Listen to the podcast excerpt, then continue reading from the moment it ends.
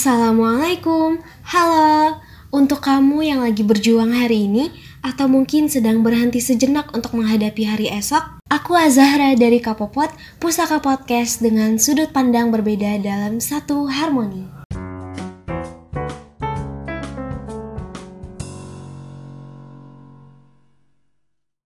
Di antara padatnya kesibukan sehari-hari sebagai mahasiswa, baik itu kuliah, organisasi, pekerjaan rumah, mengerjakan tugas, dan kegiatan lainnya, kadang pernah nggak sih ngerasa ada kalanya kita merasa penat, lelah, dan ingin istirahat sejenak dari semua kesibukan yang ada. Kalau kamu merasa hal seperti ini, mungkin itu tandanya kamu butuh me time. Sebenarnya apa sih me time itu sendiri? Me time adalah meluangkan waktu untuk diri sendiri, melakukan hal-hal yang kamu suka, membenamkan diri pada kegiatan yang bisa mengurangi rasa letih dan capek kamu, hingga akhirnya kamu bisa siap menghadapi dunia lagi. Contohnya seperti membaca buku, menonton film, pergi liburan, dan banyak lagi yang bisa kamu lakukan. Dari pengalamanku sendiri, aku juga cukup sering nih meluangkan waktuku untuk rehat sejenak dan menikmati waktu me timeku untuk melakukan hal-hal yang positif dan membangkitkan semangat kembali. Ternyata oh ternyata bukan kita aja loh. Rasulullah Shallallahu Alaihi Wasallam juga sering melakukan me time, yang kegiatannya tidak hanya positif, tetapi juga bermanfaat dan penuh semangat, serta yang paling penting dapat mendekatkan diri kita kepada Allah Subhanahu Wa Taala. Nah, kali ini Zahra mau nge-share nih ke teman-teman semua Gimana sih tips me time ala Rasulullah yang bisa kita tiru Check it out!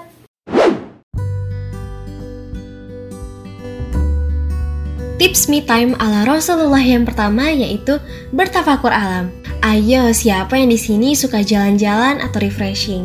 Kalau aku sendiri suka banget yang namanya jalan-jalan, apalagi kalau misalnya ngelihat pemandangan yang indah gitu bersama keluarga atau orang-orang terdekat. Nah, jalan-jalan ini di dalam Islam disebut dengan bertafakur alam. Tafakur itu sendiri adalah kegiatan merenungi atau mengagumi kebesaran Allah Subhanahu wa taala dan salah satu amalan yang sangat disenangi oleh Rasulullah.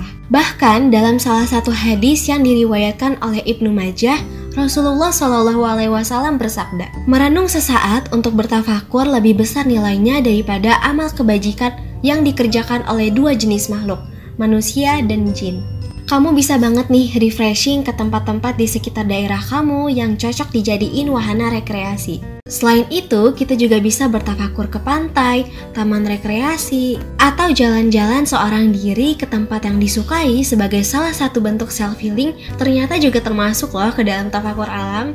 Tafakur alam ternyata memiliki banyak banget nih manfaat yang bisa kita ambil. Contohnya, kita bisa mensyukuri betapa besar nikmat yang Allah berikan kepada kita dengan melihat indahnya alam. Bisa mempertebal keimanan dan ketakwaan kepada Allah Subhanahu wa taala, dapat menghilangkan rasa penat dan lelah. Sarana merecharge kembali semangat dan motivasi, memberikan banyak referensi dan eksplorasi ilmu, memberikan dampak psikologis yang positif, misalnya perubahan mood yang lebih baik, dan menjadi sarana untuk mengenal diri lebih baik lagi. Tips yang kedua, pasti udah nggak asing lagi nih di telinga teman-teman semua. Tak lain dan tak bukan adalah sholat malam atau sholat tahajud.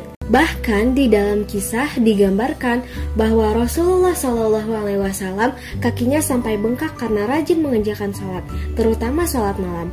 Seperti dalam hadis riwayat Muslim dari Abu Hurairah radhiyallahu anhu, bahwasanya Rasulullah pernah ditanya, Sholat manakah yang paling utama setelah sholat yang diwajibkan? Rasulullah menjawab, Salat tahajud. Salat tahajud memiliki banyak banget keutamaan dan manfaat yang bisa kita ambil. Contohnya dari segi kesehatan, salat ini dapat membuat hati tenang dan menghindarkan dari hati yang gelisah, menyegarkan otot-otot tubuh dalam setiap gerakannya, serta membuat badan lebih sehat karena bangun lebih awal di pagi hari. Dan juga berkesempatan untuk merasakan udara segar di pagi hari. Nah, untuk kita nih yang sebagian besar mahasiswa, bangun di pagi hari pastinya membantu untuk meningkatkan semangat dan konsentrasi. Kok bisa gitu ya?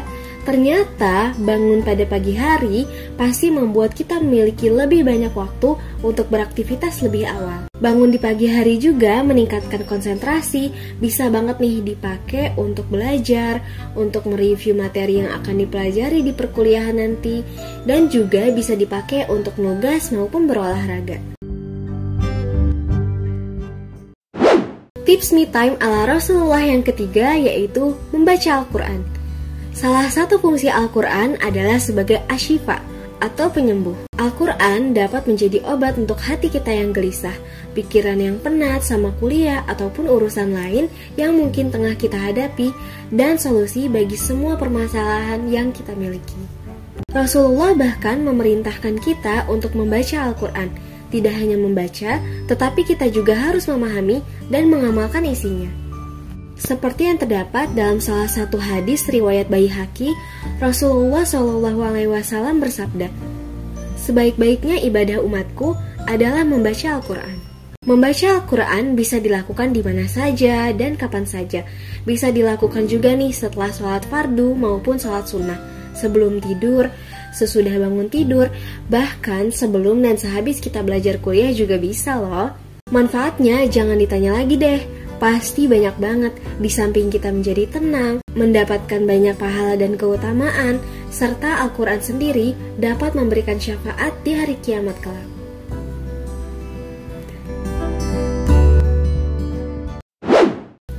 Tips yang keempat atau yang terakhir adalah bersilaturahim.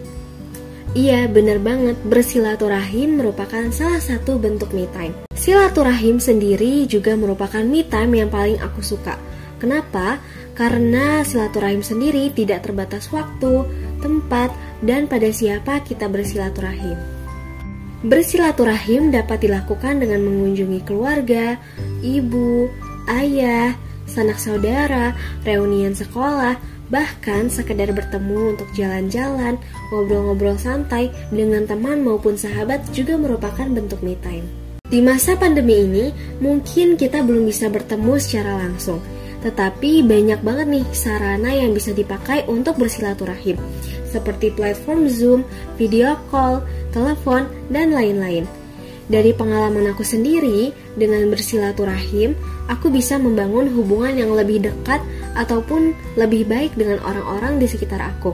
Aku juga bisa lebih care atau lebih perhatian dengan teman-teman maupun keluarga dan yang paling penting, kita juga bisa saling berbagi cerita dan jadi tempat curhat nih. Dan bisa banget melatih cara berkomunikasi dengan lebih baik lagi.